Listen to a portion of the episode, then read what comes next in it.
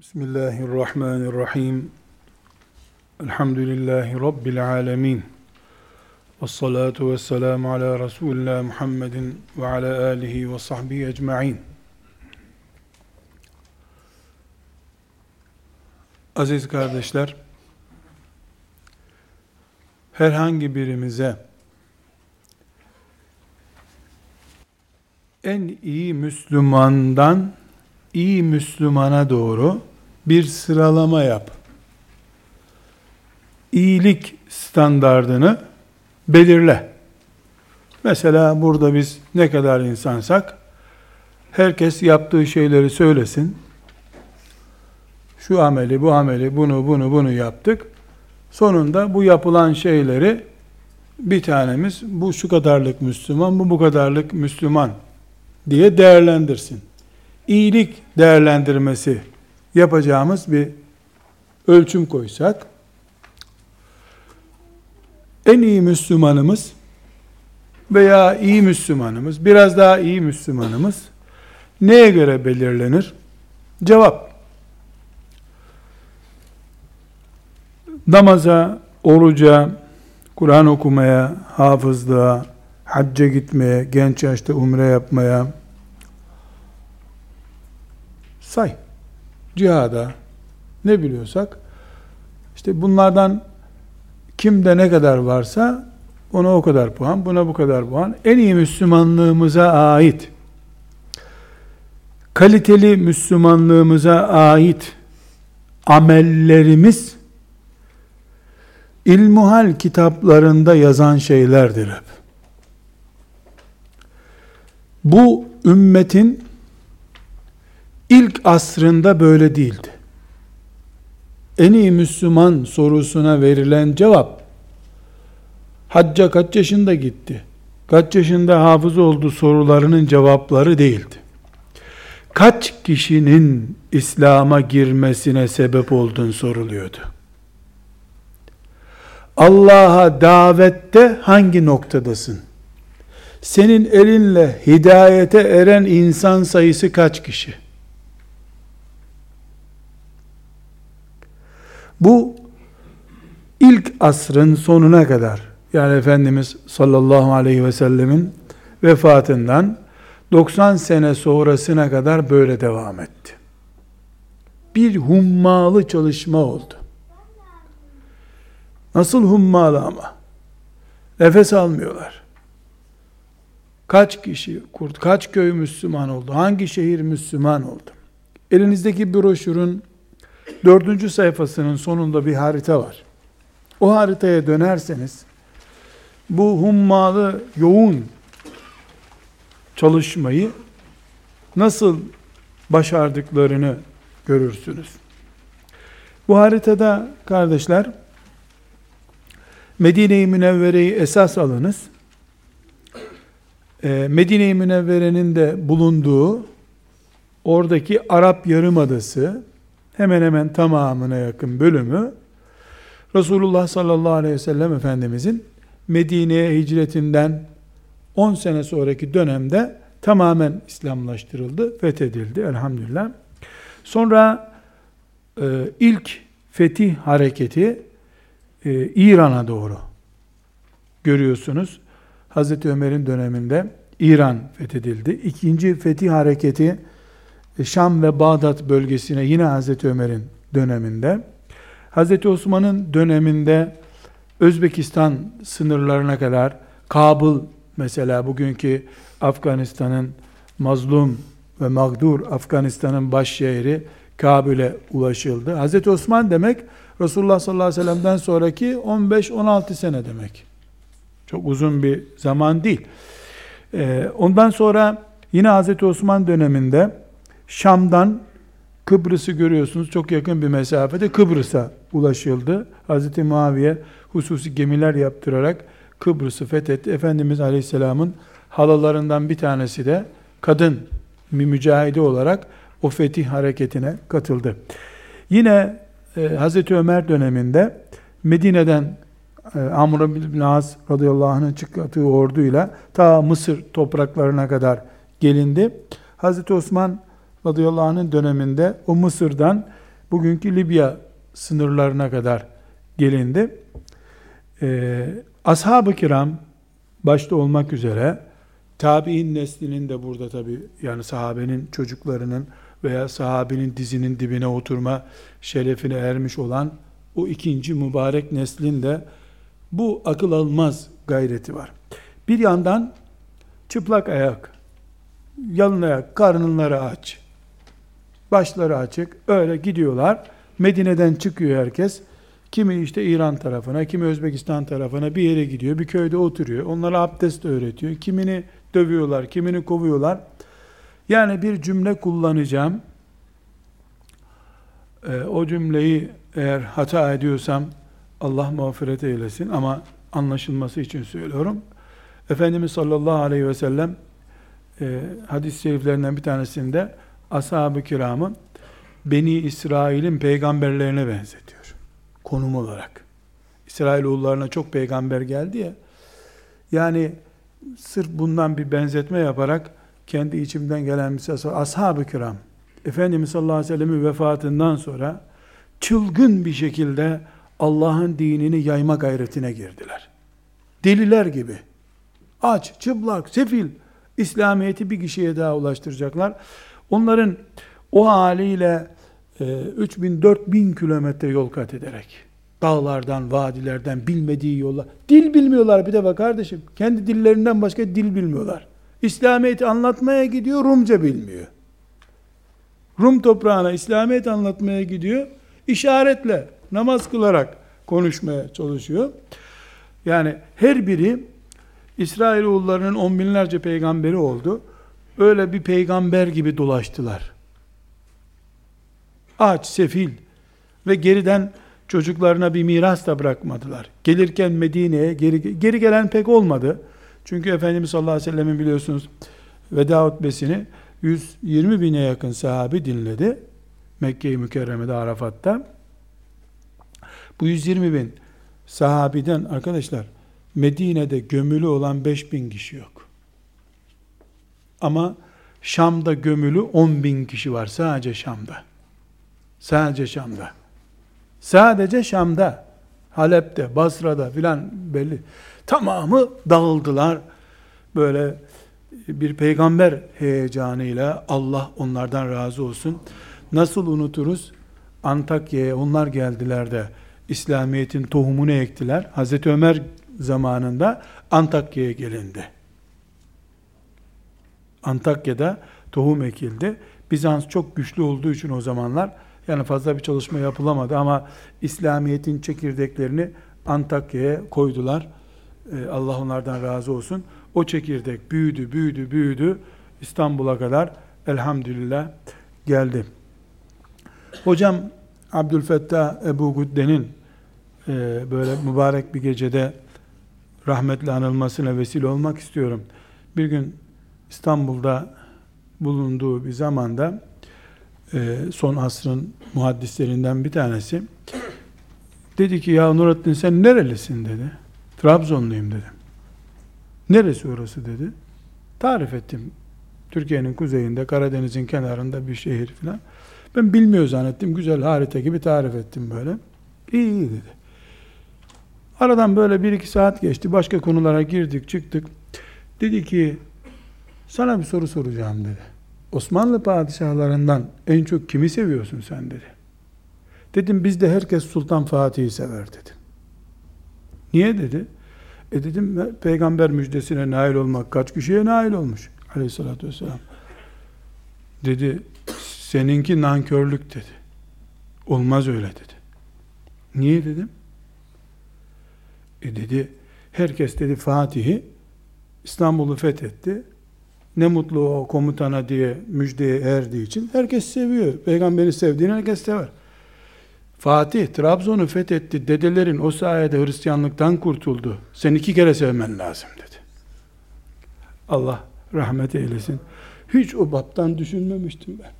Hakikaten yani e, evet Fatih Mehmet olmasa Fatih Ahmet'i gönderecekti Allah. Birini gönderecekti ama nasip oldu.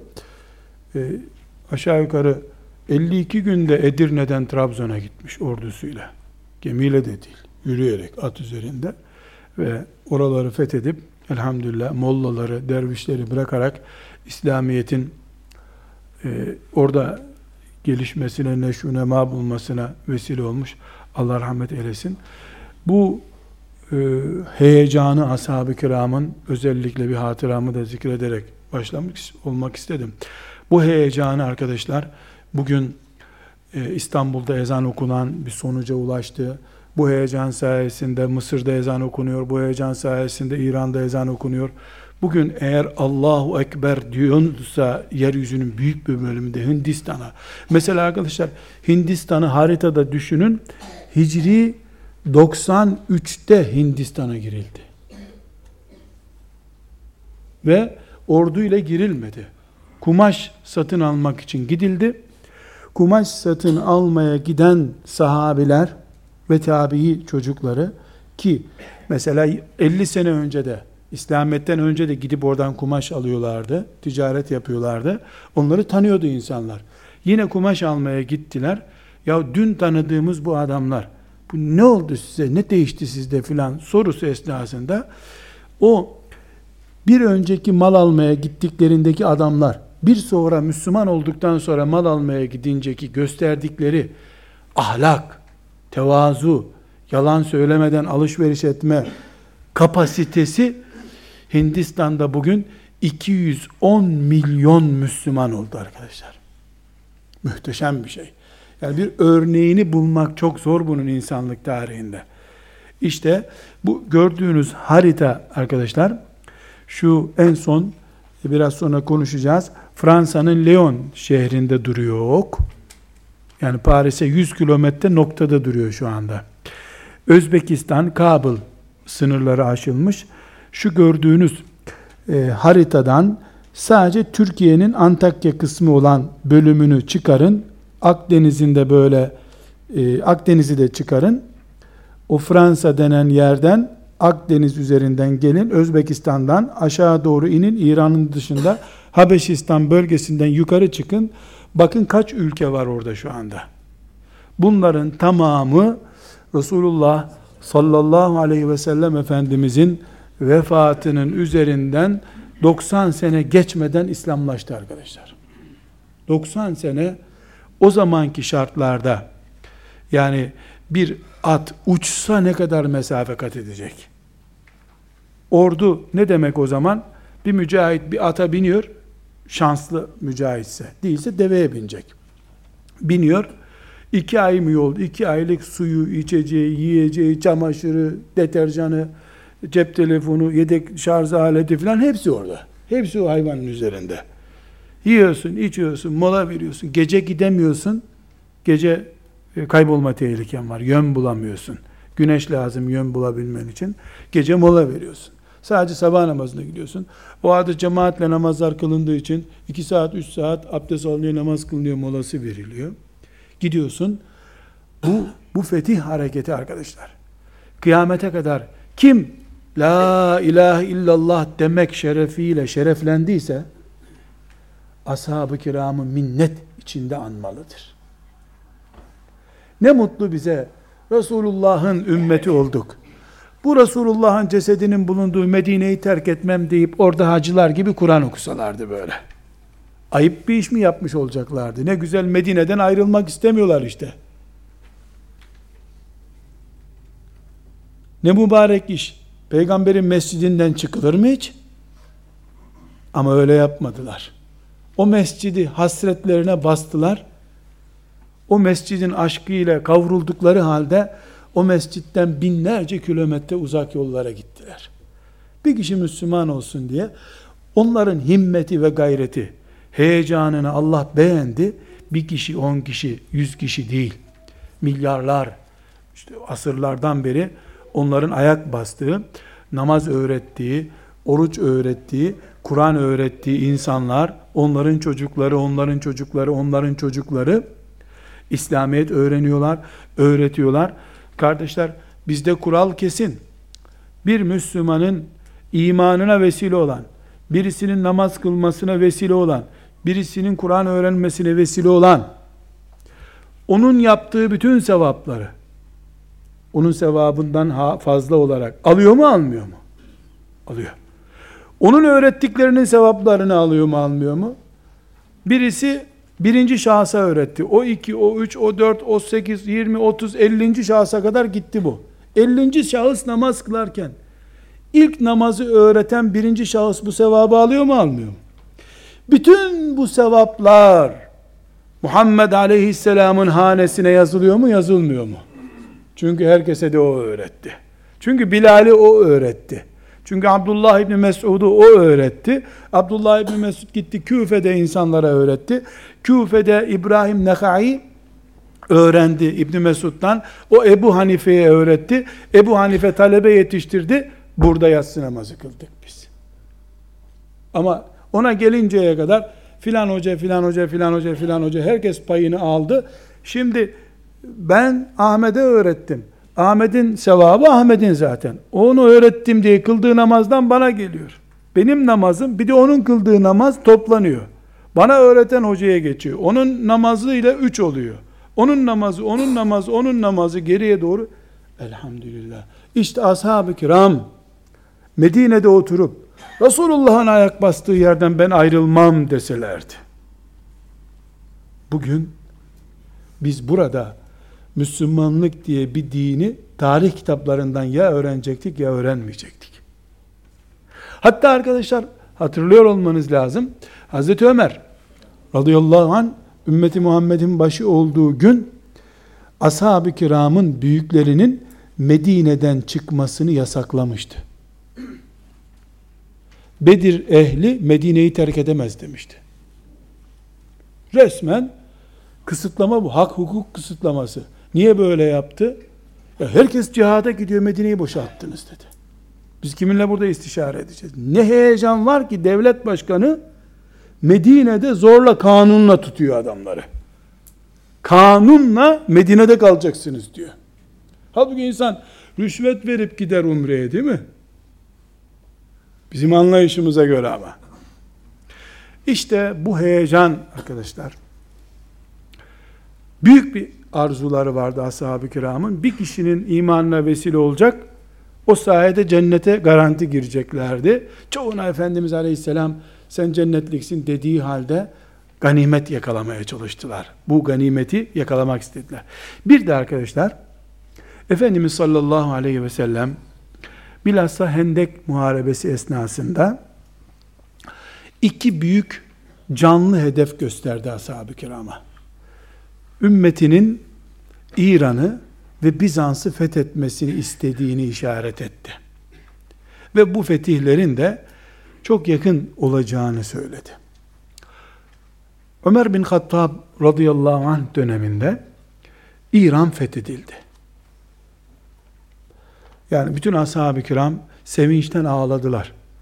Fethedildi, zenginlik geldi filan o da değil. Resulullah'ın aleyhissalatü vesselam hayalini gerçekleştirdik dediler. İsterlerdi ki sağlığında olsun bu. Zaten benim sağlığımda olacak diye bir şey buyurmamıştı. Ama sağlığında olmadı. Ashab-ı kiram onun vefatından sadece dört sene sonra İran'ı fethettiler. Dört sene sonra. Medine sevinçten ağlayan insanlarla doldu. Sonra ikinci büyük hedef Bizans yani Konstantiniye, bugünkü İstanbul bulunduğumuz yerde e, Efendimiz sallallahu aleyhi ve sellemin Bizans hayalinin nereden kaynaklandığını da çok iyi biliyorlardı. Çünkü bir defasında biliyorsunuz Bizans Roma devletinin uzantısı ve küçük Roma, büyük Roma diye. Mesela İtalya o zamanki isimlendirmeyle asıl Roma veya büyük Roma e, İstanbul, Konstantiniye'de işte mezhep farklılığından dolayı şu bu yönden ayrılmış. İkinci Roma'sı onların. Yani Hristiyanlığın ana üssü ve ikinci üssü gibi bir nokta bu e, İstanbul ve Roma. Sahabe böyle Efendimiz sallallahu aleyhi ve sellem ya Resulallah işte buyuruyorsunuz ki Konstantiniye'yi muhakkak ümmetin fethedecek. Konstantiniye iki tane. Biri Büyük Konstantiniye, biri Küçük Konstantiniye. Yani bir İstanbul var, bir de İtalya var manasında. Bu soruya e, cevap olarak buyurmuş ki önce küçüğü sonra büyüğü buyurmuş. Böylece gösterdiği hedef bütün Avrupa. Efendimiz sallallahu aleyhi ve sellemin. Bütün Avrupa'yı hedef gösteriyor. Yani İstanbul ilk hedefi küçük Konstantiniye, küçük Roma, büyük Roma'ya gidildiğinde inşallah bütün Avrupa çizmesinden, ayağından yakalanmış oluyor. Şimdi ashab-ı kiram bu hedefi gördüler. İşte Halid bin Zeyd radıyallahu anh Eyüp'te olduğunu zannediyoruz, tahmin ediyoruz. Eyüp'te değilse Ali Beyköy'dedir. Ali Beyköy'de değilse e, Kemerburgaz'ın oralardadır. Yani oralarda. Oralarda Allah şefaatine nail eylesin. E, niye geldiler? Mesela ilk İslam ordusu İstanbul sınırlarına Halife Yezid zamanında geldi.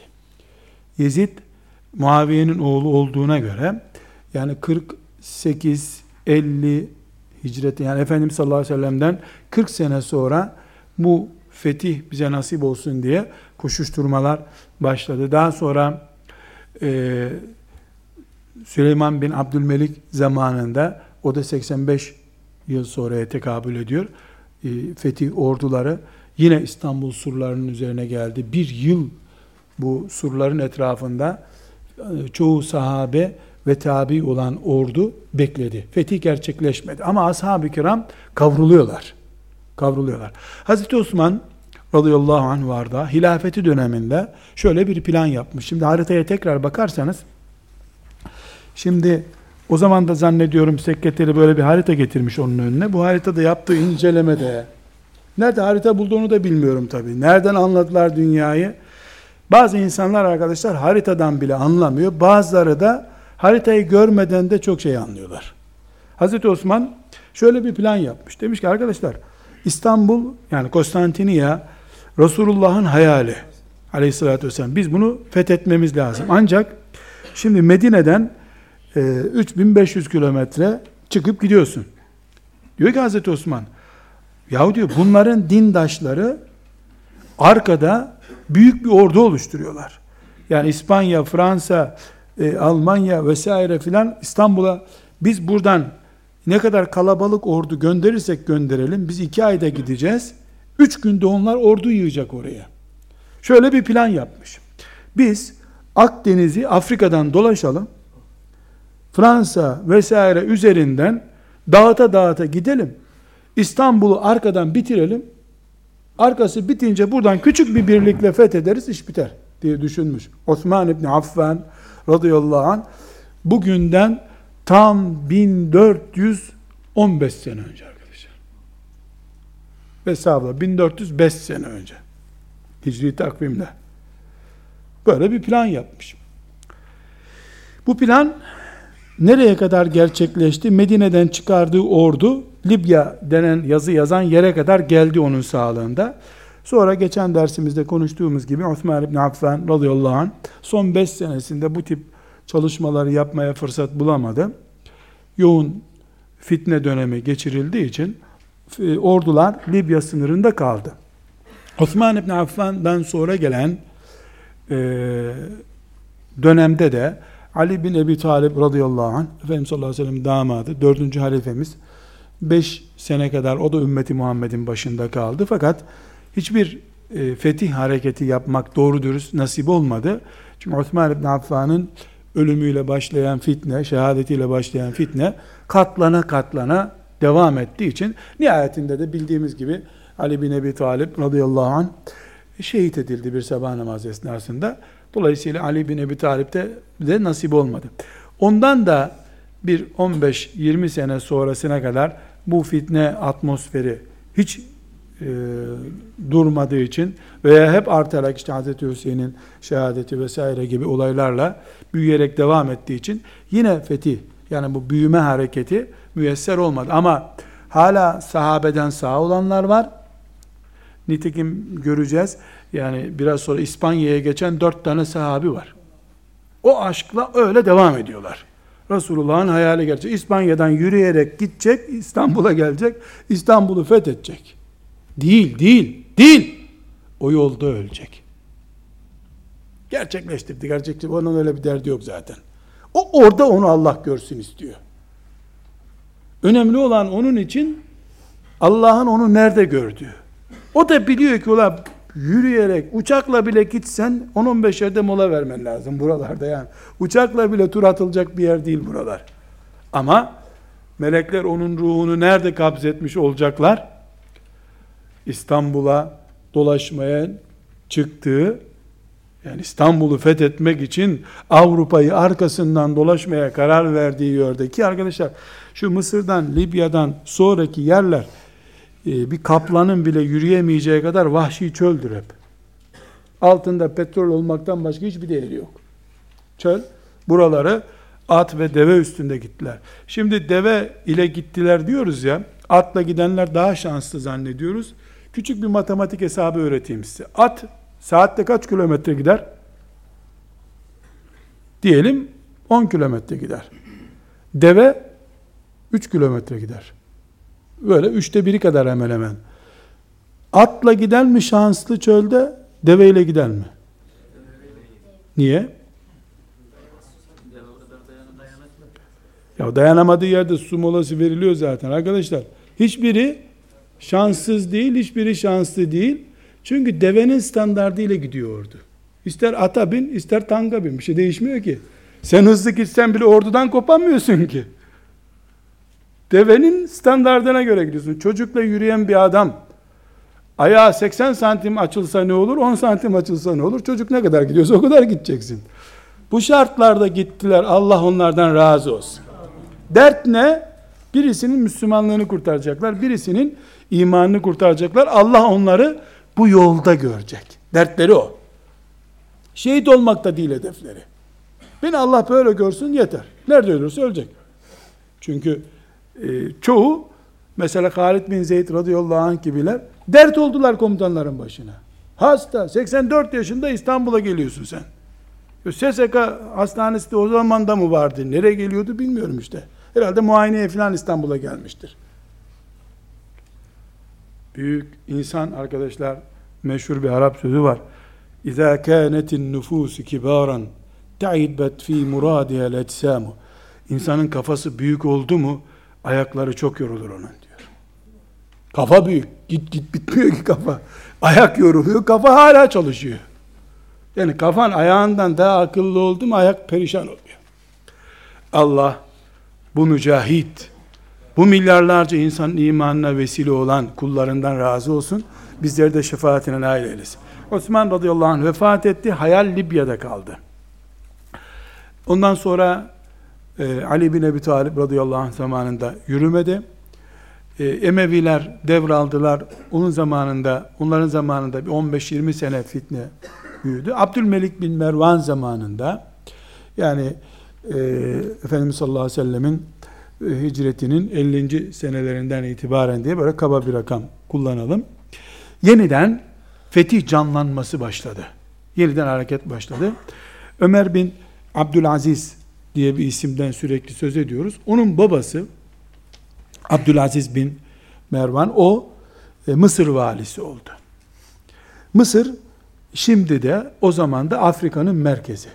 Afrika'nın merkezi.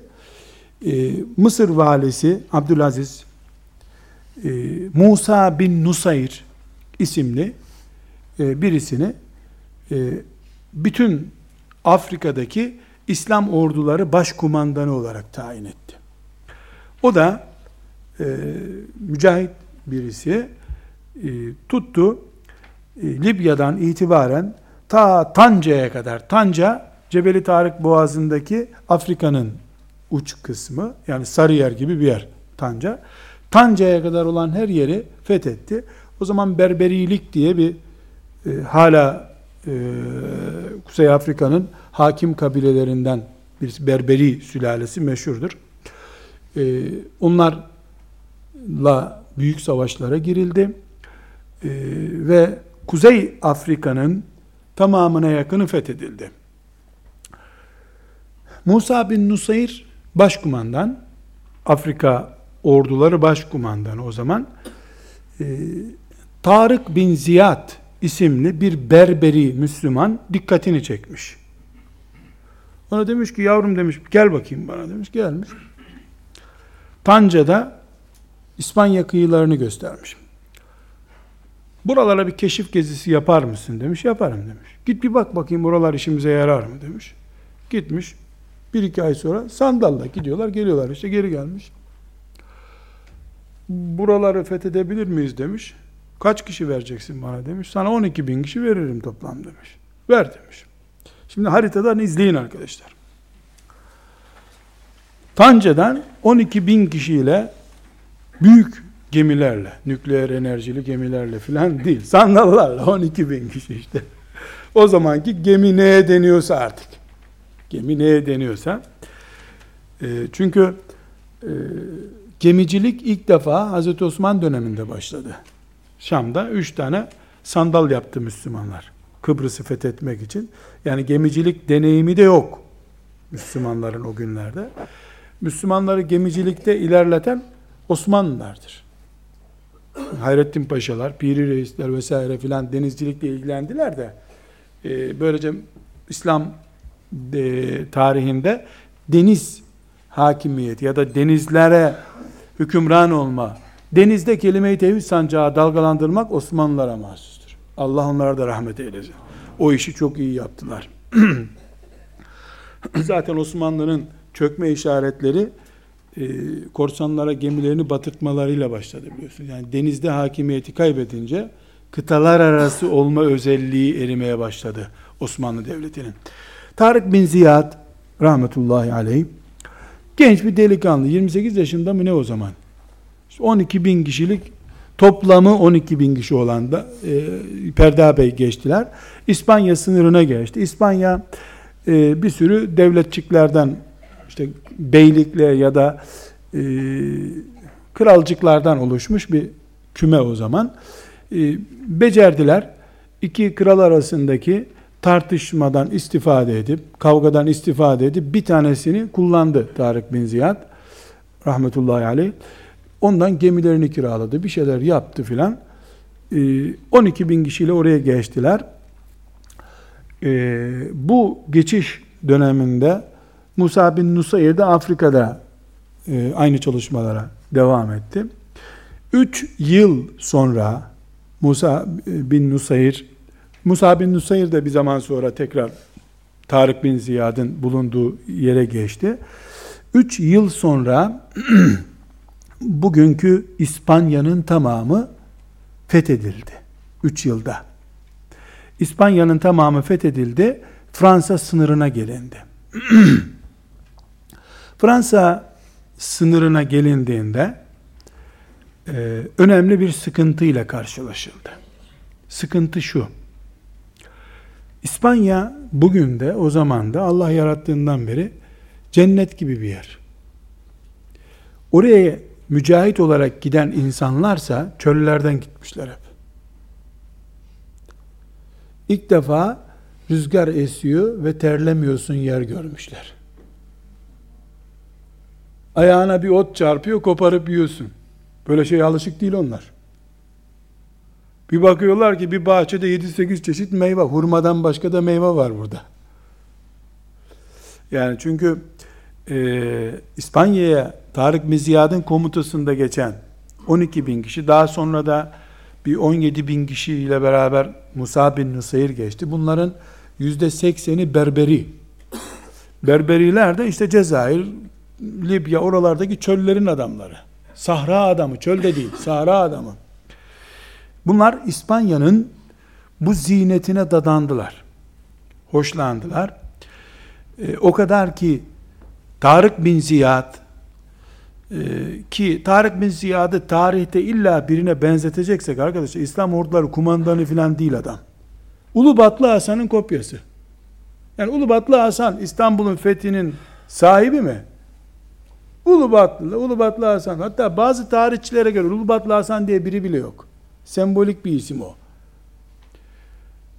Yani Ulubatlı gibi fethin asas sahibi değil. Musa bin Nusayr planın sahibi. Zamanlamayı, planı yapan.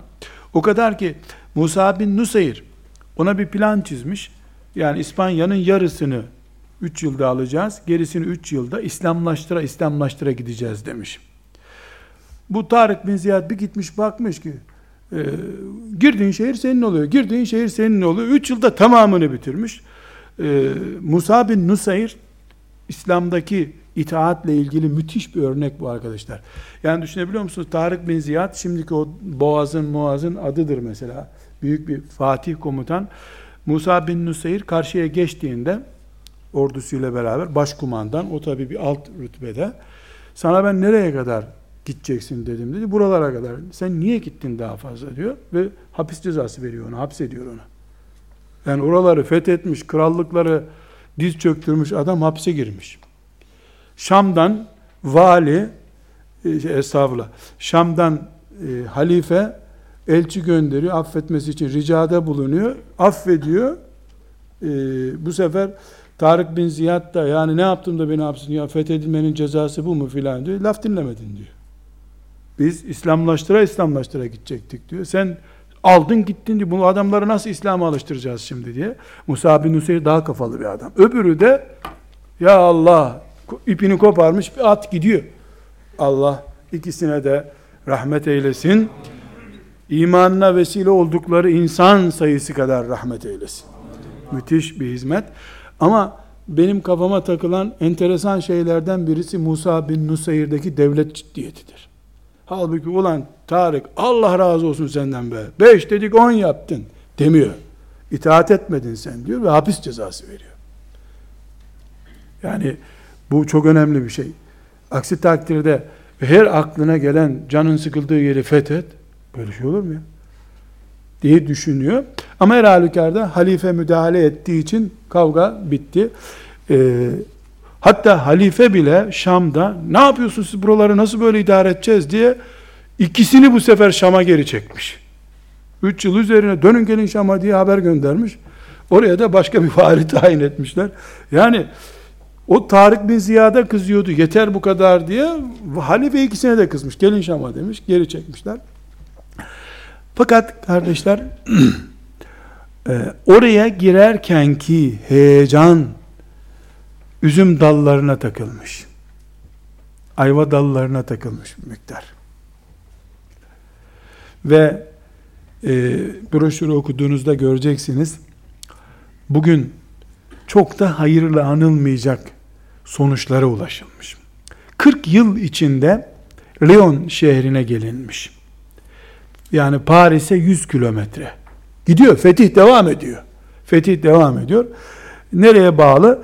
Şam'a bağlı. Şam'dan Şimdi hedef nasıl? İşte Fransa'dan öyle gelinecek, Almanya üzerinden İstanbul, Şam'la birleşilecek. Yani bugün filmde seyretse insan kalpten gider herhalde. Öyle heyecanlı bir sahne gerçekleşecek. Ama onlar durmuyor. Ve kaynıyorlar. Resulullah'ın bu hayali gerçekleşecek. Aleyhissalatü vesselam böyle müthiş bir heyecan var. 40 yılda gelinen mesafe çok müthiş. Ee, Rafiki denen bir zat var. Genç, o da kırkına gelmemiş bir delikanlı. Ee, bir gün e, İspanya'da ki e, durumu değerlendiriyor. E, şöyle bir sonuç var. Şimdi hem mücahit adamlar, biz buraya niye geldik arkadaşlar? E, İslam'ı yaymak için geldik. Ulan niye oturuyorsunuz? Yarın bir çıkarız. Niye? Cariye bol, bahçeler müthiş. Bir bakıyorsun böyle mis gibi havalar, deniz esiyor, Akdeniz bir yandan, okyanus bir yandan, böyle mis gibi bir yer. Bir ikincisi, geçmiş kültürü olan bir yer. Korsan bir millet gemici, korsan millet İspanyollar her gittikleri yerden çala çala kendileri zengin olmuşlar. Yani çaldıkları toprakları, gemi parçalarını, ganimetleri Müslümanlar gelip onlardan aldılar. Ve büyük bir İslamlaşma süreci var. Ee, burada Allah'ın hikmetleriyle müdahale edenler hep sonunda pişman olmuştur arkadaşlar. Bir de e, Hristiyanlar sulu bir Müslümanlık oluşturmuşlar. Lan nasıl olsa bunlar devleti ele geçirdi. Nasıl İslam'a giriliyor sizde? La ilahe illallah diyerek. La ilahe illallah. La bir daha de bir daha. La ilahe illallah. Karısı Müslüman, kendi Müslüman. Onlar şimdi kendileri korsancılık yapıp işgal ettikleri yerlerde herkesi öldürüyorlar ya. Bunlar da yarın bizi öldürecek diye merak ediyorlar. E bu sefer e, eğitilememiş üzerinde hükümranlık kurulması zor bir kalabalık İslam nüfusu çıkmış ortaya. Şimdi oraya e, mesela 1 milyon İspanya'nın nüfusu 50 bin kişisin sen. Ordun 50 bin kişi. Hadi Afrika'dan şuradan buradan Müslümanlar geldiler 100 bin. Yani onda bir nüfussun sen orada. Gerisi de Müslüman ama.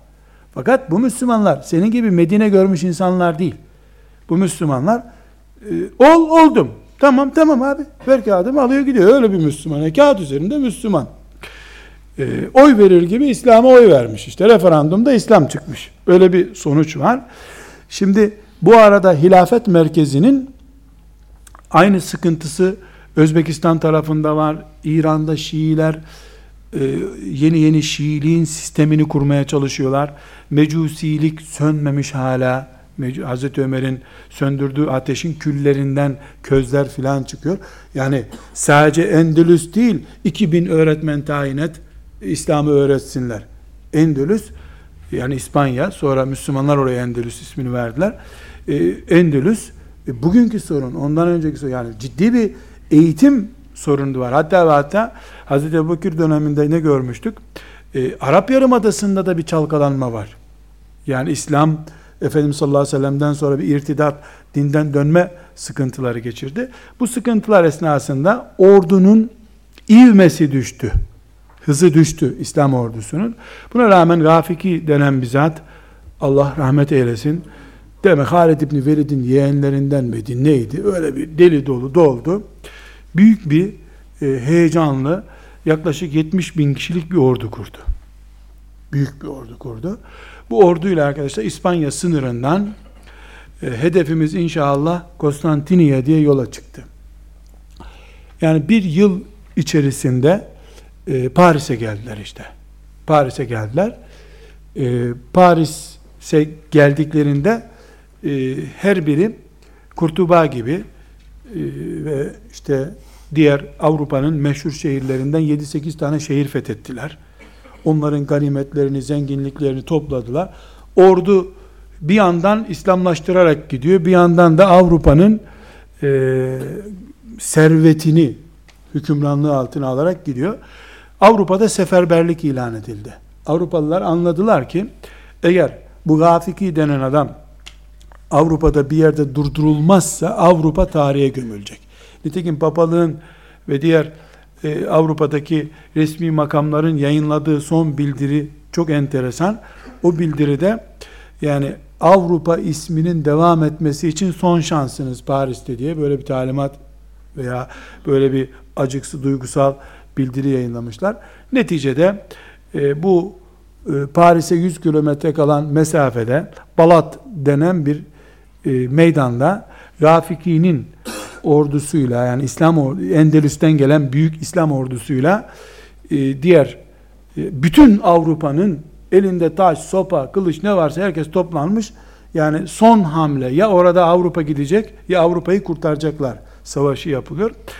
Ee, burada arkadaşlar broşürde de ayrıntılarını göreceksiniz.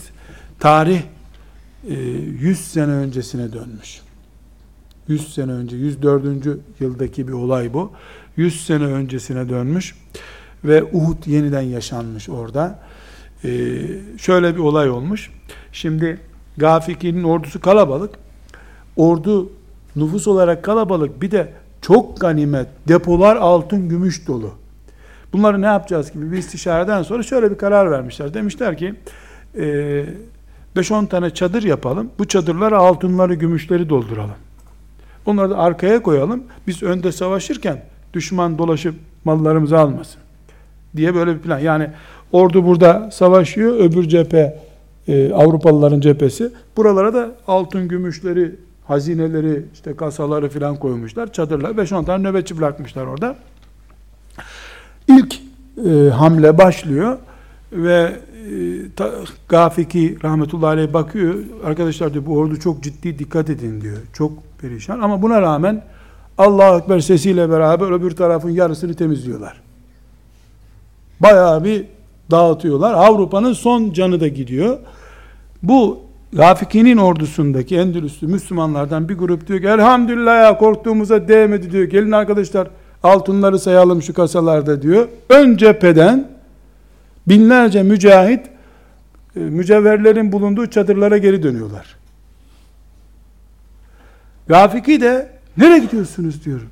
E tamam görmüyor musun diyorlar. Bağırıyorlar Gafiki'ye. Ya yeter biraz dinlenelim diyorlar. Ya etmeyin deli misiniz siz? Nereye gidiyorsunuz? Ön cepheden çıktınız. Mesela geri dediğin yer en az bir kilometre tabi. Çadırlar bir kilometre gidiyorlar. Can sıkıntısından mücevherleri sayacaklar orada. Diğer başka yerden fetihten aldıkları şeyleri sayacaklar. Rafiki de geri dönmüş. Deli misiniz diye bağırırken arkadan bir okla şehit düşmüş. Rafiki şehit yani komutan, başkumandan ve 3-4 ay içerisinde 2-3 ülke fethetmiş adam. Böyle deli dolu birisi gidiyor. Allah'ın şehitlik için yarattığı bir mücahit delikanlı gidiyor. O şehit düşünce eyvah diye bir ses çıkıyor. O gittikleri e, çadırlara giderken aynen Uhud'da olduğu gibi Avrupalılar hepsini balık gibi yakalıyorlar ortada. O altınlar da gidiyor, ordu da gidiyor. E, bunlardan canını kurtaran geri kaçıyor. Orada işte o 70 bin kişinin tamamına yakını şehit oluyor. Tamamına yakını şehit oluyor. Ee, Hazreti Osman'la beraber başlamış olan o İstanbul'a kadar gitme planı da son buluyor. Paris'e 100 kilometre kalan yerde. Allah oradaki şehitlerimize rahmet eylesin. O semt böyle taşlarla e, kaplı bir meydanmış. O meydandaki ölen şehitlerin anısına İslam tarihinde Balatuş Şüheda diye anılan bir savaş e, olarak kaydedilmiş kitaplara. Burada arkadaşlar hepimizin oturup banka kredilerinin şey, ganimetlerin pardon, özür dilerim. Ganimetlerin tarihte ve imanda nelere mal olduğunu görmemiz lazım. Şimdi o insanlar şehittirler Allah. Çünkü parçalarını bırakmadı kafirler orada. Ee, o mümin kardeşlerimiz ne kadar iyi niyetlerle yola çıktılar. Ya akşam saysan ne olur mücevhere? Kasayı akşama. Sonra senin değil bunlar. Devletin malı. Ona da oradan bir pay verilecek işte mesela. İşte diyelim maaşlarına eşantiyon verilecek. Birer tane kolye verecekler onlara. En fazla alacağı bir kolye. bir kolye. Müslüman adam gidip oradan çalmaz tabi. Bakalım da neler kazandık filan böyle. Yani neye mal oldu arkadaşlar? Bugün sadece kıyamet günü. Paris İslamlaşmadı. İtalya İslamlaşmadı. Orada Hristiyan olarak ölenler, ulan sizin gafletiniz yüzünden İslam'ın bize gelmesini engellediniz deseler onlara ne olacak? Yani basit bir çadırları denetleme olayı değildi bu. Müthiş yerden şeytan yakaladı. Uhud'daki sahneyi hatırlıyorsunuz değil mi? Farklı mıydı? Uhud'dan 100 sene sonra aynısı oldu. Aynısını bugün de yaşıyoruz. Yarın da yaşanacak. Kadın, mal, para sevgisi, şehvet sevgisi, çoluk çocuk sevgisi, arazi sevgisi. Bunlar hep insanoğlunun imtihan unsurları. Bu imtihanları geçememiş Müslümanlar veya geçti geçti geçti son barajda takıldı. Ümmete mal olmuş değerler oldu. Burada Balatuş Şüheda e, son o okun geldiği yer fetih bitti ondan sonra. O fetih bittikten sonra yaklaşık 750 e, 700 sene kadar daha İspanya'da Müslümanlar kaldı ama ilerlemeden. İleri gidilmediği için de durduğu yerde hep eridi, eridi, eridi. Yani e, ümmeti Muhammed'in 850 seneye yakın zaman sahabilerin, tabilerin bulunduğu bir ordu ile fethetti. Fethettiği bir toprakta 800 sene ezan okunuyor ve şu anda İslam'ın hiçbir izi yok orada. Hiçbir izi yok. İstanbul'dan İslam gitmez zannedenler aklını başına almalıdırlar arkadaşlar. Gider hiç gitmez diye bir garanti yok. Kıymetini bilmezsen alır Allah. Biz verme. Yani seni bile atarlar. Ne sen kim oluyorsun? Yani Endelüs arkadaşlar böyle Bugün mesela aşağıda kütüphaneye inin. Altta kütüphane var. 100 kitaptan en az 50'si Endülüs'te yazılmıştır. Tefsirinden, hadisinden, fıkhına kadar. Hepsi de başucu kitabıdır. Öyle ulu orta bir İslam şehri değil. Yani kıble Mekke'de, Medine'de olmasa 7 asır İslam orası demekti. Müthiş. Ve ilk dünyada kanalizasyon sistemini kuran, yol sistemini kuran Endülüslü Müslümanlardır. Pirinç ekmeği insanlığa öğreten Endülüslerdir. Müslümanlar. Yani orada müthiş de bir medeniyet kurmuşlar ama ilk defa kadın şarkıcı İslam toplumunda Endülüs'te çıkmış. Hatta bir zaten güzel bir sözü var. Endülüs o gün yıkılmıştı da insanlar anlamamışlardı diyor. Kadın şarkıcı oynatma İslam toplumunda bundan arkadaşlar 700-800 sene önceki şeyleri anlatıyorum. İlk defa orada çıkmış. Müzik ilk defa orada haram değildir diye bir cüretle söylenmiş. Ve e, broşürde daha fazla bilgiler göreceksiniz. Eee burası yıkılmayı çoktan hak etmiş dedirten şeyler var. Mesela arkadaşlar çok enteresan ve bir de böyle yorulduk dinlenmeye vesile olsun diye okuyayım. Şimdi e, Ahmet bin Şüheyt diye birisi var. Bakın bir vatandaş bu. E, Endülüs'ü yöneten 5-10 tane kral var. Endülüs çünkü bölündü. O beylik, bu beylik, derebeyliği falan bölündü. E, onlardan bir tanesine vezir olmak istiyor. Vezir ne demek? Bakan. Bakan olmak istiyor. Bakan olmak istediğini söylemek için kralla görüşecek. Vatandaş bu. Hediye götürüyor. Elinde bir paket gitmiş pastaneden yaş pasta yaptırmış. O yaş pastaya bakın şimdi. 7. sayfanın sonunda arkadaşlar. Yaş pastasında bakın neler var.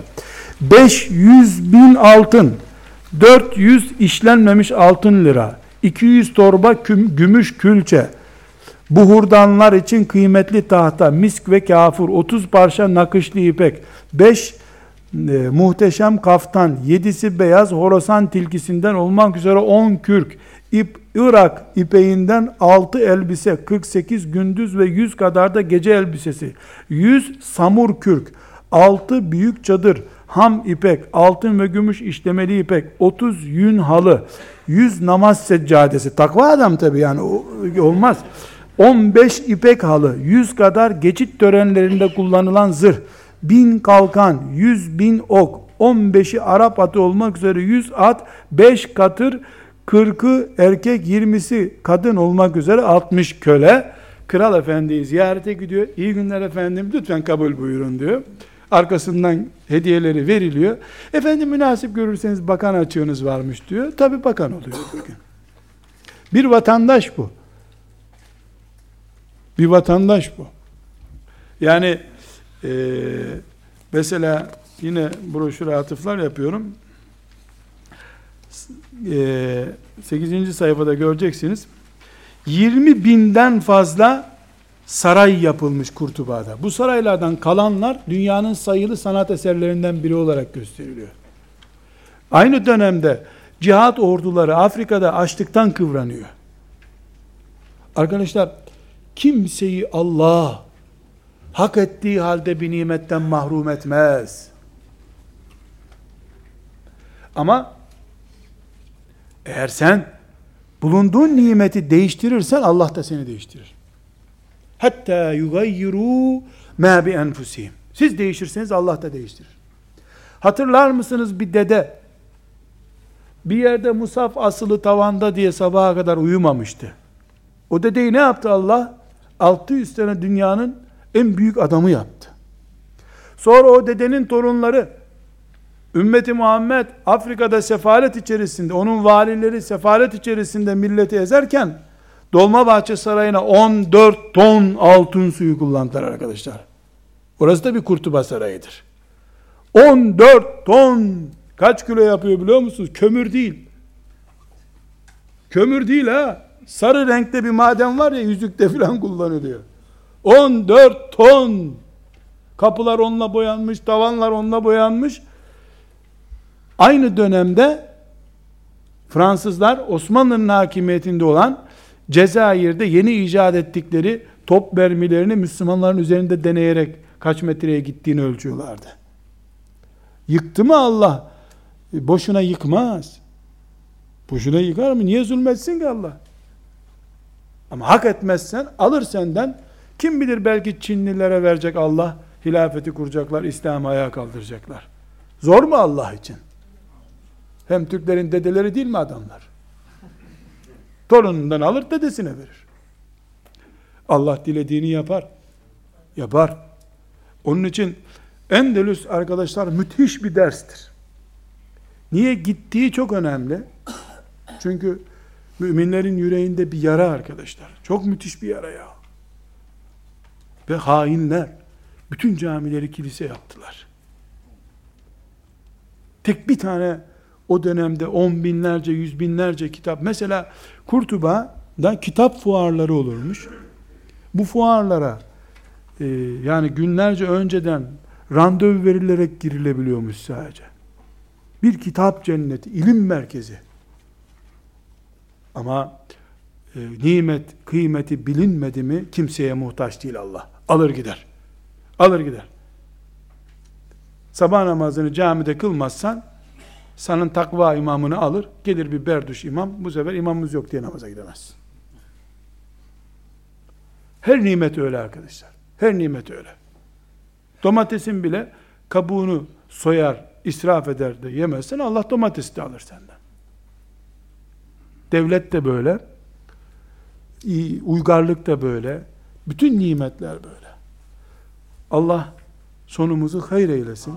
Yani kardeşler Tarık bin Ziyad'ı ne kadar seviyorum diye kendime bir soru sorsam cevabını bulamıyorum bunun. Hani çocuklar bu kadar der ya bu kadar seviyorum seni. Yani Tarık bin Ziyad'ı bu kadar seviyorum. Çok seviyorum. Neden? Ümmetimin yüzünü güldürdü. Ama bu kadar sevdiğim Tarık amcamdan sonra orayı Hristiyanlara yem olarak bırakanlara ne diyebileceğim onu da bilmiyorum içimde. Bir burukluk var. Ne denir?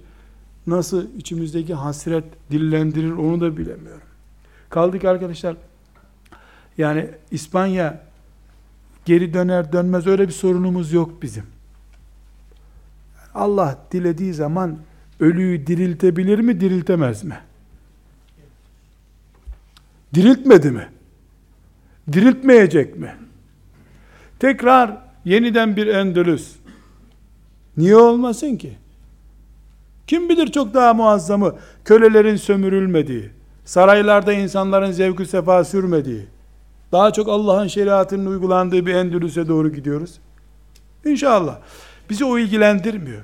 Lakin ümmeti Muhammed'in ümmete mal olmuş bir toprağı kaybetme tehlikesine karşı çok dikkat etmek lazım. Yani biz kendimizi şu veya bu nedenle garantide görüyorsak yanılıyoruz.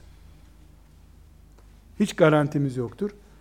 Ee, yani allah Teala e, tamam buradan e, nimetimi alın dedikten sonra meleklerine kim ne yapacak ki? Endülüs muhteşem ve muazzam bir derstir arkadaşlar. Yani burada küfrün inadının da boyutunu görüyoruz.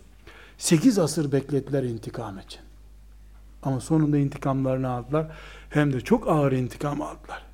Yani e, öldürdükleri Müslüman sayısını Allah'tan başkası bilmiyor. Endülüs ile ilgili bizim kültürümüzde fazla bilgi yoktur. Yani biz Endülüs pek böyle sıcak bilgi ama Arapça kültüründe Endülüs bir edebiyat türüdür en azından. Ve tarihi çok meşhurdur. Yani bizim e, ülkemizdeki düşünürlerin ötesinde e, Arap alemindeki düşünürler Endülüs kökenli, İspanya kökenli örnekler çok kullanırlar. E, ta o zamanlardan bu düşme yıllarından yazılmış meşhur bir mersiye vardır. O mersiyeyi hatıra olsun, o öyle mersiyeyi yazana da rahmete vesile olsun diye broşürün sonuna koydum. Yani daha uzundur da bir kısmını kısaltarak koydum. E, ileriki vakitlerimizde onu okumamızda yarar var. E, küfrün bugün filan noktada dün filan noktada yaptığı şeyleri anlayabilmek için 700 sene önce yaptıklarını da anlamamız lazım. 600 sene önce yaptıklarını da anlamamız lazım. Küfür aynı küfürdür. İnşallah Tarık bin Ziyad da aynı Tarık olarak geri gelecek. Allah'ın izniyle. Allah ibret almayı ve bu tip afetlere düşme, düşmeden yaşamayı hepimize müyesser kılsın. Ve sallallahu ve sellem ala seyyidina Muhammed ve ala alihi ve sahbihi ecma'in velhamdülillahi rabbil alemin.